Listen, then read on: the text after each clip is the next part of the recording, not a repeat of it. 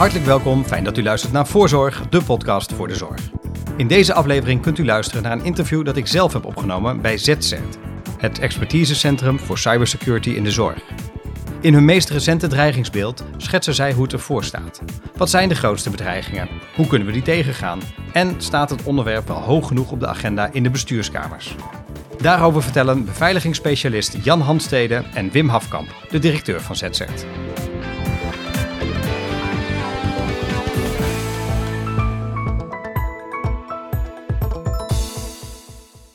We gaan het hebben over uh, cybersecurity in de zorg. Op basis van het uh, dreigingsbeeld voor de zorg dat jullie hebben opgesteld en gepubliceerd. En mijn eerste vraag is eigenlijk, waar is zo'n dreigingsbeeld nou precies op gebaseerd? Uh, we gebruiken verschillende bronnen. we doen een, een, enquête bij zoveel mogelijk zorginstellingen, deelnemers bij ons. Dus dat is de eerste bron. En de tweede bron is incidenten die bij ons binnenkomen. Dus we zorginstellingen melden incidenten bij ons. Dat gebruiken we ook weer voor het dreigingsbeeld, want dan weet je wat voor incidenten er spelen. Voor de rest hebben we natuurlijk de openbare bronnen van allerlei uh, bedrijven en organisaties die uh, uh, rapporten publiceren over cybersecurity, over de incidenten. En we hebben gewoon het, het, het nieuws eigenlijk. Wat voor incidenten spelen er in Europa zich veel af? Bijvoorbeeld ransomware incidenten, die komen tegenwoordig heel veel in het nieuws. Zeker als het incidenten zijn met heel veel impact. En uh, die kan je ook monitoren en dat geeft je ook een, uh, een, een, beeld. Ja, en dat alles bij elkaar opgeteld vatten jullie samen tot één, één, dreigings, ja. uh, één dreigingsbeeld? Ja, en er is nog één laatste bron, die heb ik niet genoemd. Ik heb, we hebben ook een heel aantal interviews afgenomen met CISO's bij zorginstellingen. En die hebben ook hun ervaringen gedeeld. Ja. Dus en zijn het dan alleen zorginstellingen waar een incident is geweest? Of? Nee, gewoon zorginstellingen in het algemeen. Dus een, aantal, een, een, een heel aantal GGZ-instellingen, uh, een, uh, een, heel aantal ziekenhuizen en dan bij elkaar probeer een, uh, een beeld te vormen. Ja, want even voor de duidelijkheid, Wim, misschien kun je dat vertellen. Welke organisaties en sectoren zijn er allemaal op dit moment bij jullie aangesloten? Ja, dat is heel divers. dat zijn onder andere alle ziekenhuizen in Nederland, inclusief de academische ziekenhuizen. Vorig jaar hebben we een groot deel van de leden van GGZ, de Nederlandse GGZ, aangesloten. Ik denk zo ongeveer 65 GGZ-organisaties zijn nu uh, op dit moment deelnemer. Um, en we zijn op dit moment volop bezig met uh, leden van Jeugdzorg Nederland aan te sluiten en ook alle GGD's. en op dit moment staat de teller op 193 deelnemende zorginstellingen. En, op, um, en aan het eind van het jaar waar hoort de teller dan op te staan zoals goed Ja, dat is nog, um, nog niet helemaal duidelijk. want we zijn nog het rondje aan het maken langs jeugdzorginstellingen. De verwachting is dat er dit jaar zeker wel zo'n 100 instellingen bij komen een van de opmerkelijke conclusies uit jullie dreigingsbeeld is denk ik dat uh, de dreiging van ransomware groter is dan ooit tevoren. Hoe, hoe serieus moeten we dat nemen? Hoe, hoe, groot is nou eigenlijk echt concreet het gevaar dat er op korte termijn echt iets grondig misgaat? Ja, dat, dat is eigenlijk die, die dreiging die zie je uh, terug uh, in het feit dat heel veel zorginstellingen uh, en eigenlijk ook allerlei andere type organisaties, die krijgen dagelijks malware, dus kwaadaardige software binnen per mail. Dat zijn er toch wel per maand, zijn het er vaak een stuk of, stuk of honderd. Dus dan zie je dat er geprobeerd wordt om op die manier uh, toegang te krijgen. En je ziet eigenlijk dat internet aan de lopende band, uh, dat er gescand wordt. Dus uh, die ziekenhuizen die systemen online hebben, die worden eigenlijk continu gescand op, op kwetsbaarheden. Als ze een kwetsbaarheid vinden, dan, dan kunnen ze dat misbruiken. En dan kan dat misbruikt worden uiteindelijk om, om, om ransomware op te starten in zo'n organisatie. Je ziet een continue stroom van, van aanvallen. En hoe groot is de kans dat op korte termijn zo'n aanval ook echt slaagt en, en een hele organisatie plat kan leggen? Het, het, ligt er eenmaal aan wat voor uh, beschermende maatregelen je hebt getroffen. Het, het voordeel uh, wel is uh, dat die ransomware groepen eigenlijk steeds standaard methoden gebruiken om, om binnen te komen. En dat vind ik een groot voordeel, want als je weet wat voor methoden ze gebruiken, dan kan je daartegen wapenen. en het is vaak niet zo dat ze je hele organisatie doorlichten op zoek naar een gaatje. Dat is voor hun niet het businessmodel. Hun businessmodel is om zoveel mogelijk organisaties uh, met een aantal standaardmethoden aan te vallen. Daaruit krijgen ze een aantal infecties. Dus ze hebben succes bij een aantal organisaties. Laten we zeggen dat dat er honderd zijn van de 10.000 die zij hebben aangevallen. En daar gaan ze mee verder. En dan gaan ze kijken van is het netwerk makkelijk te infiltreren? Zo ja, dan gaan we met deze organisatie verder. En dat is het een beetje van je, je, je, je moet bestand zijn tegen die standaard methode die gebruikt wordt. En je moet je netwerk beoordelen of of het voor een hacker makkelijk is om naar binnen te komen en, en bij kroonjuwelen te komen. Ja, misschien ter aanvulling, want uh, ja, dit is ons tweede dreigingsbeeld hè, over uh, het jaar 2021. Uh, eh, onze eerste in het jaar 2020 voorzagen we deze trend eigenlijk al. toen hadden we nog geen echte incidenten waargenomen bij zorginstellingen in Nederland. helaas, vorig jaar is in 2021 dus wel een aantal keren en ook veel gevallen gezien in Europa en de rest eh, van de wereld. Eh, en eh, dat geeft toch wel te denken, hè? want ja, het is snel geld verdienen voor, voor de criminelen. En blijkbaar lukt het dus ook om daadwerkelijk misbruik te maken van kwetsbaarheden of van andere achterdeurtjes om binnen te komen. Dus dat is echt wel een zorg die we hebben. Nou, dat was vorig jaar, als ik me goed herinner, ook nog wel sprake van dat cybercriminelen zeiden van nou, we laten de zorg een beetje uh, buiten schot.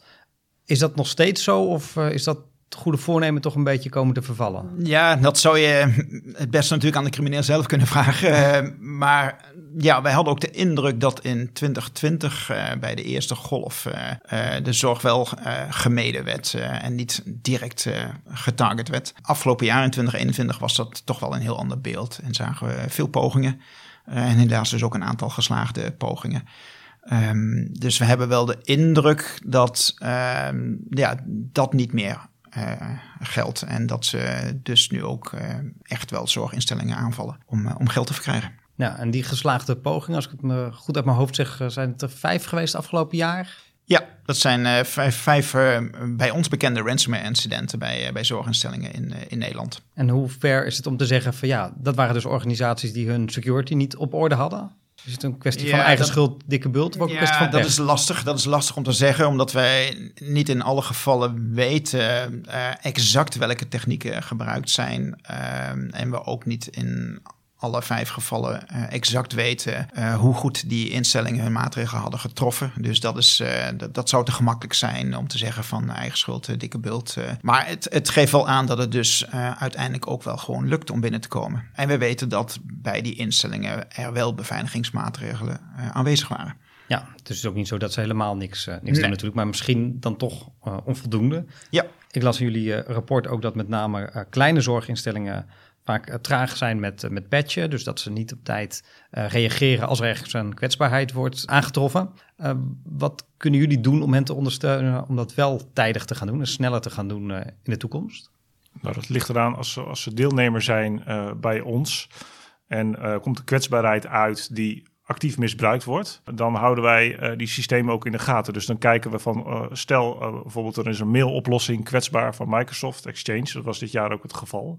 dan weten wij van onze deelnemers welke systemen Exchange draaien en dan stellen, we, stellen we ze op de hoogte. En op, op het moment dat iemand deelnemer bij ons is, dan hebben wij ook direct de vertrouwensband met de security specialist die werkt bij die organisatie. En dan zijn de lijntjes heel erg kort en dan kan er heel snel kan actie ondernomen worden. Als een organisatie die is die geen deelnemer is bij ons, dan is het soms best wel lastig om de juiste persoon te bereiken. En dan gaan er soms dagen uh, overheen. Of dan strand je bij de balie en dan denken ze dat je iets wil aansmeren, terwijl dat niet het geval is natuurlijk. Ja. Dus dan is het veel lastiger om de juiste persoon uh, uh, te spreken. En dat is bij, bij, bij deelnemers niet zo. Dan is het heel makkelijk van, oh, je hebt een, uh, een server online uh, met Exchange. Uh, die wordt op het moment wordt actief misbruikt. Dus het is belangrijk om dat te patchen. Ja, dan gaat dat heel makkelijk ja, eigenlijk. En, en hoe lang je daarmee wacht, hoe meer gelegenheid je kwaadwillende geeft om, om je systeem binnen te dringen, toch? Ja, ja. En je ziet altijd dat het een soort escalatiepad is. Eerst, eerst uh, komt er een kwetsbaarheid uit, die wordt bekendgemaakt. En op een gegeven moment zie je dat hackers uh, software hebben om uh, inderdaad die kwetsbaarheid te misbruiken. Door, eigenlijk door het gat binnen te komen via een gat in de software. En uh, op het moment dat je dat ziet gebeuren, dan wordt het spannend. En dan, uh, uh, ja, dan moeten mensen echt zo snel mogelijk patchen. Want dan weet je, als je het niet doet, dan word je gehackt. En dan is het ook vaak zo dat het niet direct een ransomware groep is die, die je gehackt heeft. Maar dat zijn dan vaak ook wat wij noemen initial access brokers. Dat zijn hackergroepen die alleen maar toegang willen krijgen tot systemen en die toegang dan verder willen verkopen.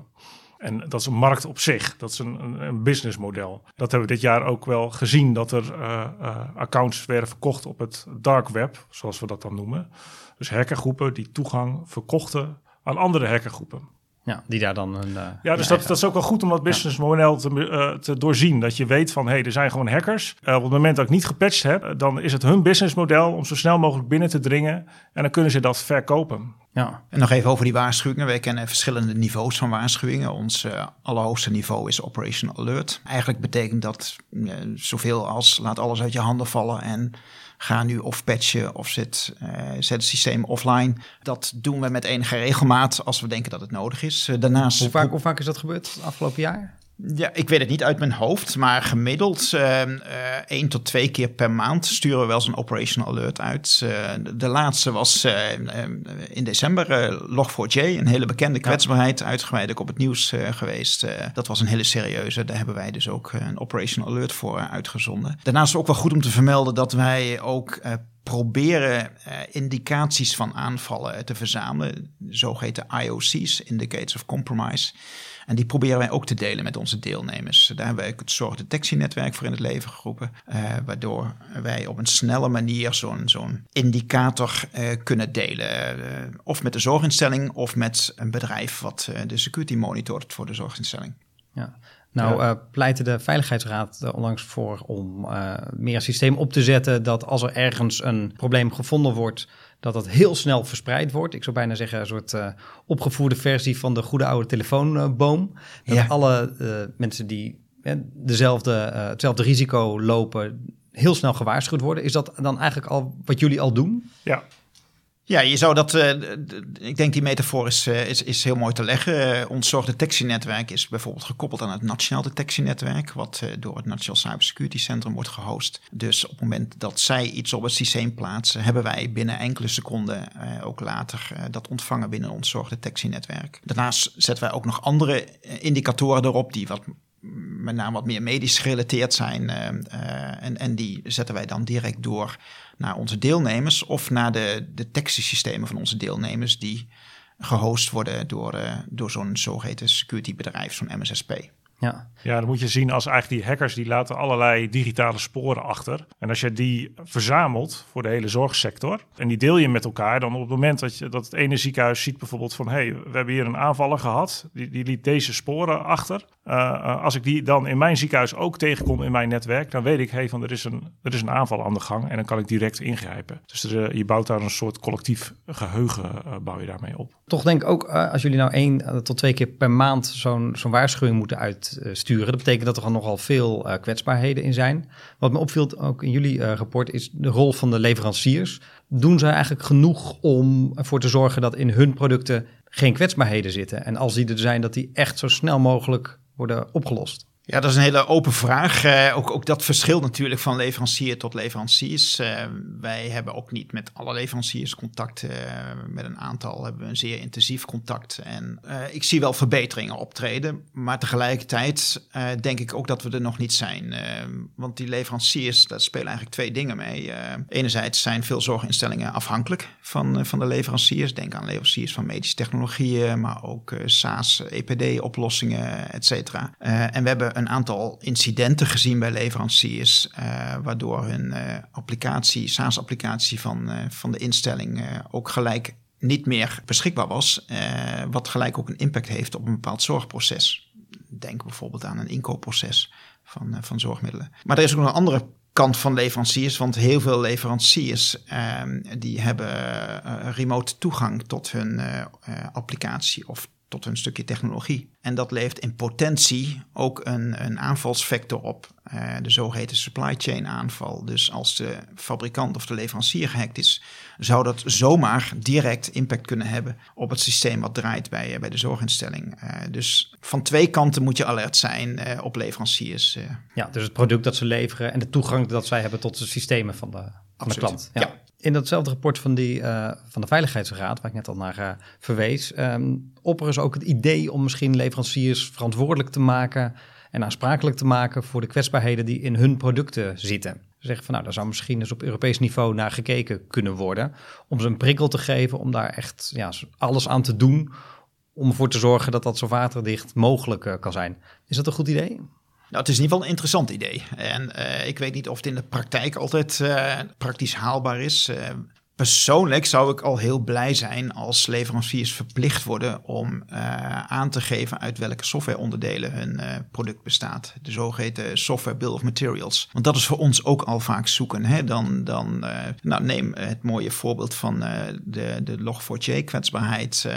Wij weten niet altijd exact in welke applicatie, in welke systemen die kwetsbaarheid aanwezig is. en als een leverancier verplicht wordt om zo'n inhoudsopgave gewoon mee te leveren op het moment dat het product wordt uh, verkocht, dat zou al enorm veel schelen. Ja, dus dat zou dan een soort ingrediëntenlijst Dat is in feite een ingrediëntenlijst, ja. ja. En ja. Um, wordt er al aan gewerkt? Worden er stappen gezet om dat verplicht te stellen? Ja, wij zien nu een beweging, uh, met name ook uh, binnen uh, de nieuwe zogeheten NIS-2-wetgeving, Europese richtlijn op het gebied van informatiebeveiliging, dat zeg maar dat stukje in de toekomst ook verplicht gaat worden. dus dat is een ontwikkeling die wij van harte toejuichen. Duidelijk. Um, in jullie rapport is ook veel aandacht voor uh, datalekken. Daar gaat het sowieso regelmatig over. Jullie hebben ook een mooie uh, lijst gemaakt met de grote oorzaken ervan. Uh, de eerste drie plekken worden ingenomen door ja, eigenlijk gewoon menselijke fouten die gemaakt worden. Ja. Betekent dat ook dat er eigenlijk niks aan te doen is? Oei, dat is ook weer een, een, een lastige, want ehm, ja, de menselijke fouten zullen er altijd wel gemaakt eh, blijven worden in de toekomst. Eh, misschien nog goed om ze, om ze nog even te, te noemen. Wat zijn de meest voorkomende foute adressering bijvoorbeeld. Hè? Een, een, een, een, een naamsverwisseling zou een, uh, komt relatief veel voor. Ik weet niet, jij hebt het lijstje voor je. Ja, dat zijn vaak uh, fouten van menselijk handelen. Zijn, dat zijn er wel redelijk veel, maar zijn ook wel, de impact is vaak klein. Dus een mailtje verkeerd geadresseerd of een brief, twee brieven in een envelop in plaats van één. Dus het zijn hele kleine dingetjes. En die hebben niet, niet, niet heel veel impact. Nou, de, de eerste was fouten door menselijk handelen. En uh, de tweede is ongeoorloofde toegang door medewerkers. Dat komt veel voor, maar ook tenminste veel organisaties melden het. Maar de hoeveelheid incidenten zijn wel beperkt. Dus hij staat wel redelijk hoog, maar het, het zijn niet veel incidenten. En, en, veel organisaties die, die worden daar steeds beter in om dat te ondervangen. Dus die, die, die richten monitoring in. En als er dan op een gegeven moment een, laten we zeggen, een, een behandelaar uh, gaat kijken bij een patiënt waarbij die niks te maken heeft, dan gaat er een bericht naar de leidinggevende en die beoordeelt dat dan. En als dat niet klopt, dan, uh, ja, dan krijg je een, een probleem als, als behandelaar. maar dat, dat, dat zie je dat er steeds geavanceerde monitoring oplossingen gebruikt worden. Vroeger was dat ook vaak dat je dan gewoon hele grote logs had waar heel moeilijk informatie uit te halen uh, is. Maar nu uh, krijg je echt systemen die echt belangrijke zaken eruit haalt. Een voorbeeld daarvan is zelfs als iemand zou gaan kijken bij een patiënt die in dezelfde straat woont, dat je dan al een alert krijgt van hey, wat gebeurt hier? Misschien is iemand bij zijn buurman aan het kijken bijvoorbeeld. Ja. Maar goed, vooropgesteld, hè, elk datalek is er één te veel. Hè. Dat, uh, en, en, misschien is dan in technologische zin de impact niet uh, heel groot. Maar het is natuurlijk wel vervelend dat het gebeurt. En uh, wij zien ook wel dat zorginstellingen procesverbeteringen toepassen om dit type datalekken te voorkomen. Alleen omdat het zo vaak voorkomt, staat hij ook bij ons hoog ja. op het lijstje. Dat is uh, eigenlijk de reden. Uh, hopelijk uh, met het volgend jaar het beeld zullen we dat aantal omlaag zien gaan. Uh, maar goed, de, de, realiteit moet uh, ook gezegd worden dat uh, daar waar mensen werken er ook fouten gemaakt worden. Ja, maar dit wil je natuurlijk zo, zo laag mogelijk Dat wil je zo hebben. laag mogelijk houden. Is dat dus... een kwestie van trainen en bewustwording? Dat, dat. Dus proberen ook ja, medewerkers van zorginstellingen scherp te houden, maar ook ze te ondersteunen in het voorkomen van fouten. Hè. Dat is uh, toch een beetje ook in de vorm van monitoring, wat, wat Jan net zei. Hè. Dat gebeurt uiteindelijk, nou, een mooie metafoor met vliegtuigen. Hè. De piloot krijgt ook een seintje als hij te laag vliegt. Dat zou je hier ook uh, kunnen doen. Hè. Dan kun je bijvoorbeeld denken, als je naar heel veel mensen tegelijkertijd iets mailt. wat wij vaak zien is dat het per buis niet in de blind CC wordt gezet, ja. maar in de aanhef. En dan heb je al dat je een e-mailadres lekt. Daar zijn oplossingen voor die zeggen van... hey, als je meer dan tien uh, uh, personen in de aanhef hebt... dan krijg je een waarschuwing van het systeem. Uh, weet je dat wel zeker dat je dit wilt mailen? Dat soort ondersteunende processen helpen ook bij het voorkomen van datalekken. Zijn we er in die zin ook eigenlijk te bang voor? Geven we te veel aandacht aan ieder e-mailadres dat ergens uitlekt, dat dat dan al uh, opgepikt wordt? Of is dat wel terecht dat daar zoveel aandacht uh, naartoe gaat? Nee, dat is denk ik wel terecht. Uh, want zeker als het om patiëntgegevens gaat, zoals ik al zei, dan is ieder datalek is er één te veel. Dat kan persoonlijk een hele grote impact hebben. Um, dus het is wel goed om iedere keer ook te evalueren. Wat is er misgegaan bij dit incident? En hoe kan ik voorkomen dat het nog een keer gebeurt? En we zien ook dat er echt verbeteringen uh, plaatsvinden. Hè. Vier ogen principes worden steeds vaker toegepast. Om te voorkomen dat één iemand die fout maakt. dus ik, ik vind terecht dat, dat zorginstellingen daar bovenop zitten. Nou, heeft het ook te maken met het vertrouwen dat mensen hebben? We hebben natuurlijk afgelopen jaar uh, het doorsluizen van data via het systeem van de GGD uh, eh, gehad. Ja. Ik geloof dat er nog een, een, een claim over uh, wordt, wordt voorbereid. Ik weet niet hoe, hoe dat precies gaat uitpakken, maar dat doet natuurlijk wel iets met het vertrouwen dat mensen hebben in zorginstellingen en in de overheid. Ja, zeker. En um, nou, wij weten ook, ondanks het feit dat ze nog geen deelnemer zijn, hebben we intensief contact gehad met de GGD's in 2021. En ja, per 1 eh, januari dit jaar eh, eh, zijn ze ook bij ons aangesloten. En we weten dat het ook binnen de GGD-organisatie veel impact heeft gehad. nou, dat is ook uitgebreid in het nieuws geweest. de systemen die zijn opgetuigd en de opschaling hebben ook ja, zeg maar, mede veroorzaakt dat er toch uh, gaten in de, in de beveiliging zaten en in met name de monitoring zaten. En ik zie daar nu wel goede bewegingen de goede kant op gaan. Uh, maar het is wel belangrijk dat je dat, uh, dat, je dat doet, want inderdaad, het heeft direct impact op het vertrouwen in, in, in, in, een instituut of in een, in zorginstelling. Ja, um, een ander opvallend incident van afgelopen jaar, waarin jullie in het dreigingsbeeld ook aandacht aan, aan besteden, is wat er bij het Radboud is gebeurd waar in het systeem van het ziekenhuis eh, cryptomunten werden gemined. Ik kan me dat zo moeilijk voorstellen. Hoe kan zoiets nou eigenlijk gebeuren? Ja, in dat geval waren de wachtwoorden gelekt. Hè? Dus iemand had op een, op een, op een website waar, normaal, waar, waar, je normaal software die je zelf geprogrammeerd hebt erop zet om te delen met, uh, met de community, uh, had hij een lijst met onder, de, onder andere gebruiksnamen en wachtwoorden gezet. En die zijn vervolgens misbruikt om, om, om in te loggen op bepaalde systemen van, van dat radboud. Ja, ja, wat je ziet hè, hier, want dit, volgens mij was, werd het op uh, GitHub geplaatst. Een open source library waar uh, heel veel systeemontwikkelaars uh, op zitten. Maar blijkbaar dus ook criminelen. En die monitoren dus blijkbaar op systeem-user accounts en op wachtwoorden. En ze hadden dus blijkbaar bij Radboud een hit. En die hebben ze gelijk misbruikt. Geluk bij een ongeluk zou je kunnen zeggen, is het gebleven bij crypto mining en is het niet uiteindelijk ook, uh, heeft het niet tot een ransomware incident geleid? Want dat had natuurlijk net zo goed gekund. Dat betekent eigenlijk gewoon dat de eh, criminelen erachter gewoon een ander, zoals je het noemt, businessmodel hadden. Gebeurt dat nou veel? Zijn er dan veel zijn nou, criminelen die dat doen? We, we horen het niet, niet veel. Ik heb het een aantal keer gehoord dit jaar. Maar het is ook niet software die heel uh, dominant aanwezig is. Op de achtergrond misbruiken ze eigenlijk de, de, de CPU-kracht van je computer. Dus je computer wordt misschien iets trager, uh, maar het, het, maakt verder niets kapot. Maar, maar het zit er wel en zeker als je in de, de cloud, hè, dan word je afgerekend op hoe, hoeveel CPU je gebruikt, dus hoeveel rekenkracht je gebruikt.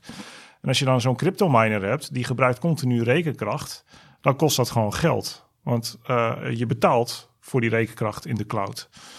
En uh, uh, ja, dan kan kunnen de rekeningen best wel, uh, wel oplopen. Ja, is dat iets wat instellingen ook in de gaten moeten houden? Van hey, mijn, mijn rekening schiet ineens omhoog. Ja. Er zou wel eens iets aan de hand kunnen zijn. Zoals als je thuis denkt van mijn energierekening schiet omhoog. Misschien uh, stap, tapt de buurman met stroom wel, uh, wel af. Ja, dat is een, een manier. En uh, eigenlijk ben je dan natuurlijk wel te laat, hè, want dan wordt er al misbruik van gemaakt. Um, maar het is wel een manier om te constateren van... hé, hey, dit wijkt af van, van het normale. Want blijkbaar heb ik in één keer een, een tien keer zo hoge energierekening gekregen. Je, kan ook limieten instellen vaak in, in die cloud-platformen... en waarschuwingen laten afgeven. Dus dan moet je wel goed over nadenken van dat als er veel meer resources gebruikt worden dan normaal, dan, dat je dan een alert daarop krijgt. Dus dat is wel goed dat je dat zegt, dat je dat ook met elkaar doordenkt en zegt van hey stel we hebben zo'n crypto miner, hoe kunnen we ervoor zorgen dat we dat op tijd zien? Dat er niet allerlei kosten worden gemaakt zonder dat wij het weten. Ja. Het, is, het is een aantal keer gemeld. Het is vaak de standaard malware Ook- ook die geïnstalleerd wordt. Ja, ook in, Ne- in Nederland. En, eh, en dan heb je een, eh, een, een crypto miner. Maar omdat het niet zo dominant aanwezig is, hebben de mensen het over het algemeen, zeker als het gewoon een gebruikscomputer eh, is, hebben de mensen er niet zo last van. Dus het wordt niet heel snel, het wordt wat minder snel opgemerkt. Alleen als je echt in de cloud draait en je hebt hem daar een crypto miner, dan ga je het echt op de rekening terugzien. Maar als je het echt gewoon een gewone gebruikscomputer hebt of gewoon een laptop, ja, daar heb je er eigenlijk niet zo heel veel last van. Dus in die zin wordt het dan ook minder snel gemeld. Ja. Precies, de impact is minder groot eh, ehm, eh, en, en daardoor eh, heeft het ook wat minder nieuwswaarde. Ehm, en het brengt in die zin ook minder schade aan, want eh, in principe blijven processen nog gewoon doordraaien. Ja. Ehm, maar onze inschatting is wel degelijk dat het een, een businessmodel is, een van de vele, naast eh, ransomware. Ja, Ehm, en daarover gesproken en over de impact van ransomware gesproken. Ik eh, las in jullie eh, dreigingsbeeld dat de kosten daarvoor voor een incident gemiddeld 2,3 miljoen euro zijn. Ja, Ehm, waar, waar bestaat het uit? Dat is niet alleen maar eh, los geld, zo gezegd, om die bestanden terug te krijgen. nee, dat is niet alleen maar los geld. Maar vaak als je een ransomware incident hebt, dan is je infrastructuur overgenomen door zo'n aanvaller. Dus die weet alle wachtwoorden. Die kan overal eh, achterdeurtjes inbouwen eh, om aanwezig te blijven. Dus je moet het helemaal opnieuw opbouwen. En daar gaat heel veel eh, tijd en geld en energie in zitten. Dus je moet alle computers opnieuw klaarmaken. Je moet die servers opnieuw inrichten. En eh, zeker als je dan nog ook nog handmatige handelingen moet verrichten, gaat er gewoon echt heel veel tijd, energie eh, in zitten. Eh, je loopt inkomsten mis. Er moet gecommuniceerd worden met de achterban. Of als er een datalek is, moet je die mensen allemaal op de hoogte gaan stellen. Dus er gaat heel veel werk in zitten.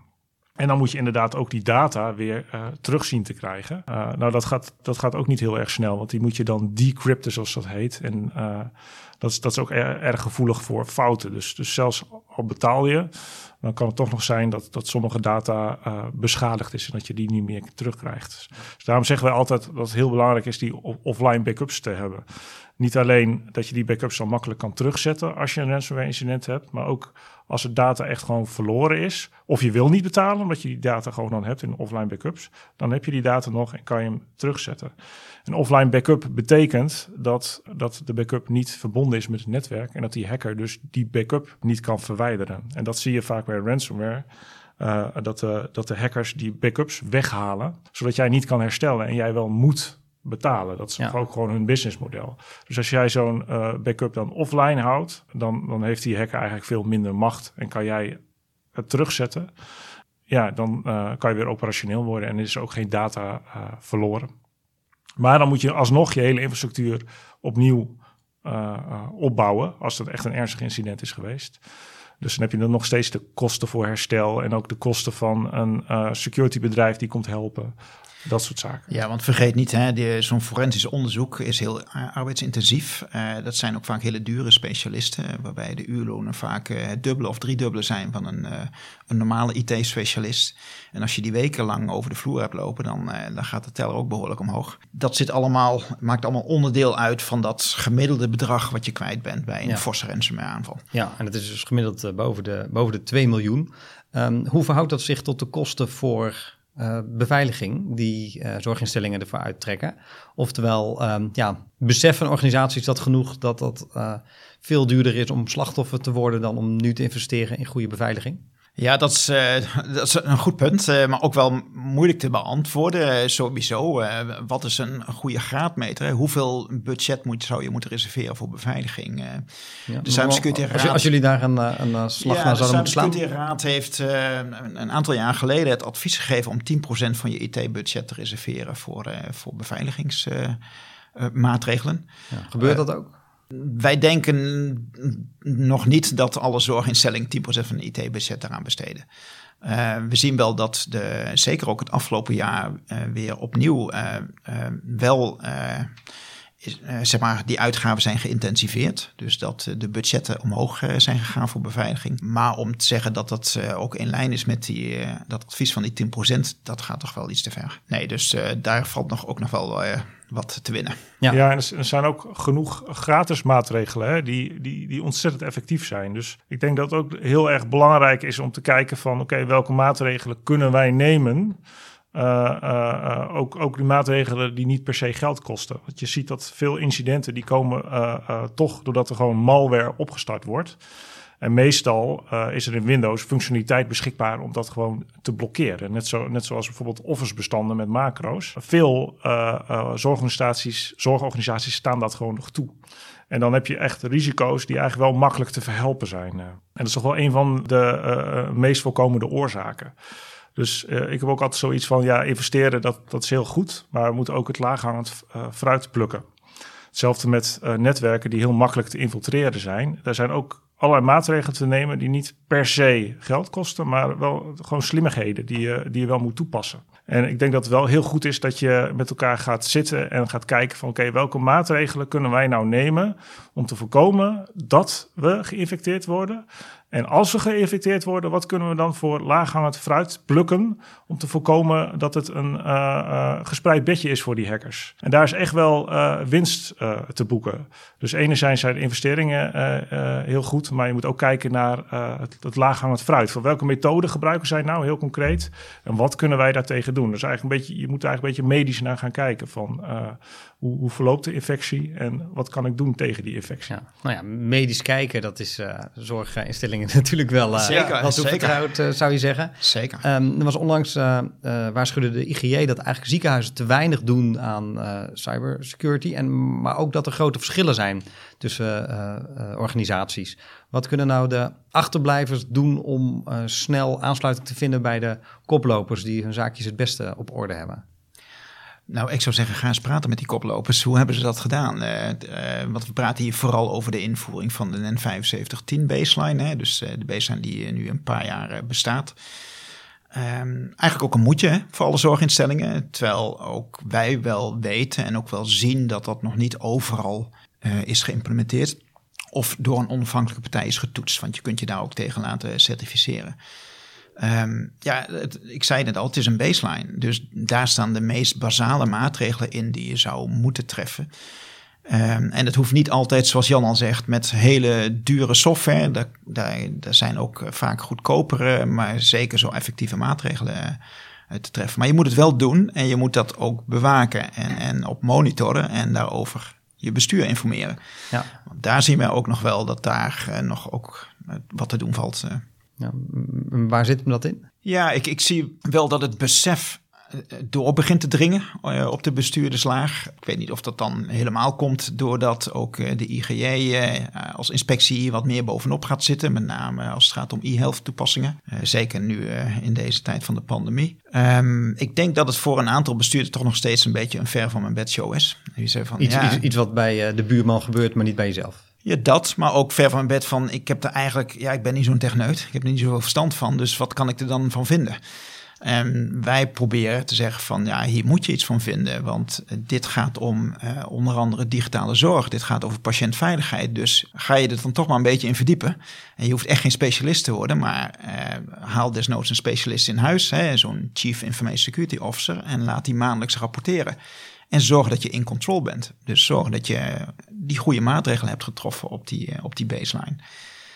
Um, nou, je zag het ook, hè? ik heb het rapport natuurlijk ook gelezen van de IGJ. Ehm, uh, eh, en wij hebben ook uh, elk kwartaal overleg met de inspectie. en zij geven ook aan dat, dat na een bezoekje dat uiteindelijk toch ook weer wat instellingen zeiden van... nou, wij gaan toch ook die onafhankelijke toetsing ook gewoon niet doorvoeren. We willen het ook zelf die zekerheid hebben dat we het goed voor elkaar hebben. Maar toch vraag ik me dan af, hè, is daar nou echt een bezoek van de IGJ voor nodig? Of, of is er een incident voor nodig om, om dat op, uh, echt op nee, elkaar te zetten? Natuurlijk, uh, ik hoop natuurlijk, en wij hopen dat, het, uh, dat er ook een stukje intrinsieke motivatie zit. Dat het niet komt door of een incident of door een bezoek van de inspectie. Maar dat je ook zelf beseft van, nou, dit is heel belangrijk voor, voor onze processen en voor de veiligheid, patiëntveiligheid. Uh, en we zien gelukkig dat steeds meer instellingen dat doen. Hè. En, en nou, ik had het net over de baseline, maar uh, wij zijn uh, afgelopen jaar nog een stapje verder gegaan. Door ook een pilot uit te voeren middels zogeheten red teaming. Dat wil zeggen hele geavanceerde hackers aanvallen. waarbij je eigenlijk met dezelfde middelen die criminelen proberen binnen te dringen bij een, een zorginstelling. En ja, dat is de beste manier om om te testen ben ik voldoende weerbaar tegen dit soort geavanceerde aanvallen. Alleen nu heb je het zelf geanceneerd. Ja, dus, dus zijn jullie eigenlijk aan het uh, ethisch hacken? Kan ik dat zo uh, Ja, in feite ethisch hacken. Ja, het is in feite een simulatie van een daadwerkelijke hack. Uh, en dat geeft heel veel nieuw inzicht. op die punten ben ik voldoende, op die punten heb ik iets gemist en moet ik nog iets doen. Ja. En dat, dat gevoel van urgentie, groeit dat snel genoeg? Dringt dat snel genoeg door? Ja, ik denk het wel. Ik denk het wel. Nou, in ieder geval, ik, ik zie groei. De vraag is, eh, gaat die groei snel genoeg als je let op uh, de snelheid waarmee cybercrime zich ontwikkelt binnen de zorgsector? En daar maak ik me soms wel eens wat zorgen over. Ja, bestuurders hebben heel veel op een bordje liggen. En dit is een van de dossiers. En um, wij hopen dat die wel wat eh, meer bovenaan de stapel komt. En we zien een aantal instellingen die dat daadwerkelijk ook doen. Uh, die ook daadwerkelijk elke maand hun CISO uitnodigen in de raad van bestuur. Vertel mij eens, waar maak jij je zorgen over? Of wat zie jij wat er niet goed gaat? Uh, um, en dat aantal groeit, maar er moeten nog wel wat instellingen echt aan de bak. Ja. Um, ik ga er voor het gemak maar even vanuit dat jullie volgend jaar weer een dreigingsbeeld uh, opstellen en, Klopt. en publiceren. Ja. Wanneer zijn jullie tevreden? Als wij echt zien dat onze adviezen ook impact hebben, en, en zowel in snelheid, uh, maar ook uh, in, in, aantallen qua opvolging, ook als ze echt gehoor aan wordt gegeven, dan ben ik al, al heel erg blij. Ik weet niet of we direct een doorvertaling zullen zien naar een minder aantal incidenten. Um, want de eerlijkheid gebiedt ook te zeggen dat wij steeds meer instellingen de komende jaren zullen gaan, aan ons zullen gaan verbinden. En dat betekent dus ook dat ook bij die instellingen er nog incidenten zich zullen voordoen. Uh, waarschijnlijk. En, en daarmee wordt bij ons de stapel wat hoger. Maar ik met name de snelheid van opvolging. Als we, als we zien dat daar echt goed gehoor aan wordt gegeven. En we hebben toch het mooie voorbeeld gehad in december nog wel van Log4j. Um, we hebben toen twintig uh, koepels geïnformeerd naast uh, onze eigen deelnemers. En we hebben ook wel tot mijn eigen verrassing een hele goede respons op gekregen. Dus dat, dat stemt wel tot vertrouwen. Ja, en wat, wat ook wel belangrijk te realiseren is dat de, de dreiging ook steeds meer verloopt via de, uh, de leveranciersketen. Hè? Dus dat je een, een ransomware incident hebt bijvoorbeeld bij een, een cloud provider. En dat het impact heeft op, op meerdere zorginstellingen. Dus dan uh, we zagen bijvoorbeeld een ransomware bij een ERP-leverancier. Echt dus echt voor je voorraadbeheer en, en de logistiek die daaromheen zit. En bestellingen. En uh, daardoor uh, was er bij twee zorginstellingen lag dat, lag dat plat voor een aantal dagen. En dat heeft best wel veel impact, want er moet van alles met de hand ge, gedaan worden. En dan heb je dus een ransomware incident bij, bij, een, bij een leverancier. En steeds meer van die softwareleveranciers, die vroeger echt gewoon alleen maar software, die je gewoon lokaal draaide, gebruikten, die gaan naar de cloud. En dat is ook een beetje noodgedwongen, omdat concurrenten gaan naar de cloud, iedereen gaat naar de cloud. En, en, en heel veel uh, leveranciers die hebben het, het, goed voor elkaar in die cloud. Die, die besteden op de goede punten aandacht, maar sommige ook niet. En het is heel belangrijk dat we met onze leveranciersmanagement de, de, de vinger op de zere plek gaan leggen bij die leveranciers. Want als we dat niet doen, dan, dan, kan het zijn dat je leveranciers hebt die gewoon niet weerbaar zijn. En uh, zeker omdat we, we gaan steeds meer naar de cloud. Je krijgt steeds meer monitoring oplossingen, hè, afstandsmonitoring oplossingen van patiënten. Dat gaat ook allemaal naar de cloud. Er komen allerlei creatieve bedrijfjes die dat, uh, uh, die technologie in de cloud gaan zetten. Dus het is heel belangrijk dat we die leveranciers gaan beoordelen op cyberweerbaarheid tegen ransomware, tegen DDoS aanvallen. En dat we dat voor elkaar gaan krijgen. Dus dat we in staat zijn als, als zorg om die leveranciers boven te krijgen die dat niet voor elkaar hebben. Ja, en verwachten jullie daar ook uh, binnen nu en een jaar uh, flinke vorderingen in te maken? Ja, uh, misschien is dat een, een goede voor, voor Wim. Ja, ik, ik denk het wel. We hebben afgelopen jaar in 2021 een groot project gedraaid. Dat heet Clinical Workflow Resilience. Nou, de naam zegt het al een beetje. We hebben ons primair daar wel gericht op de, op de ziekenhuizen. Uh, daar hebben we goed gekeken wat zijn de belangrijkste leveranciers. Uh, uh, waar staan alle systemen van die leveranciers? wat doen die leveranciers met beveiliging? En we zijn, en dat is dan fase 2, gaan we met al die leveranciers om de tafel om daar samenwerkingsafspraken mee te maken. En ze tijdig te informeren over kwetsbaarheden en ook in de hoop dat als zij zelf iets ontdekken of door een ethisch hacker uh, worden geïnformeerd, dat wij dat dan ook tijdig weten, zodat wij ook weer snel onze deelnemers kunnen waarschuwen voordat er misbruik wordt gemaakt van zo'n zo'n kwetsbaarheid. dus ik, ik ben er wel positief over. en bij de ene leverancier zal het makkelijker gaan dan de andere. Ehm, ja, dat is ook een beetje, hoort er ook een beetje bij. Het idee is in ieder geval dat zij ook een verantwoordelijkheid nemen en Absoluut. meer meedenken over de oplossingen. Absoluut. En, en hopelijk ook eh, ons daarbij uh, een rol geven en, en ons ook tijdig betrekken op het moment dat zij met een vraagstuk zitten waar ze niet direct uit kunnen komen. Goede vooruitzichten met uh, ja, toch ook af en toe wat sombere berichten die ons bereiken dat er ook een hoop gebeurt om dat, om dat tegen te gaan en ons daar steeds beter tegen te wapenen. Heel erg bedankt voor jullie tijd en uitleg. En ik zou zeggen, laten we daar misschien volgend jaar bij het nieuwe dreigingsbeeld nog eens over verder praten gaan we doen. Dan kijken wat er van terecht is gekomen. Bedankt. Zeker. Bedankt. Tot zover deze aflevering. De montage was in handen van Ties Timmers. De muziek is gemaakt door Bram Brouwers.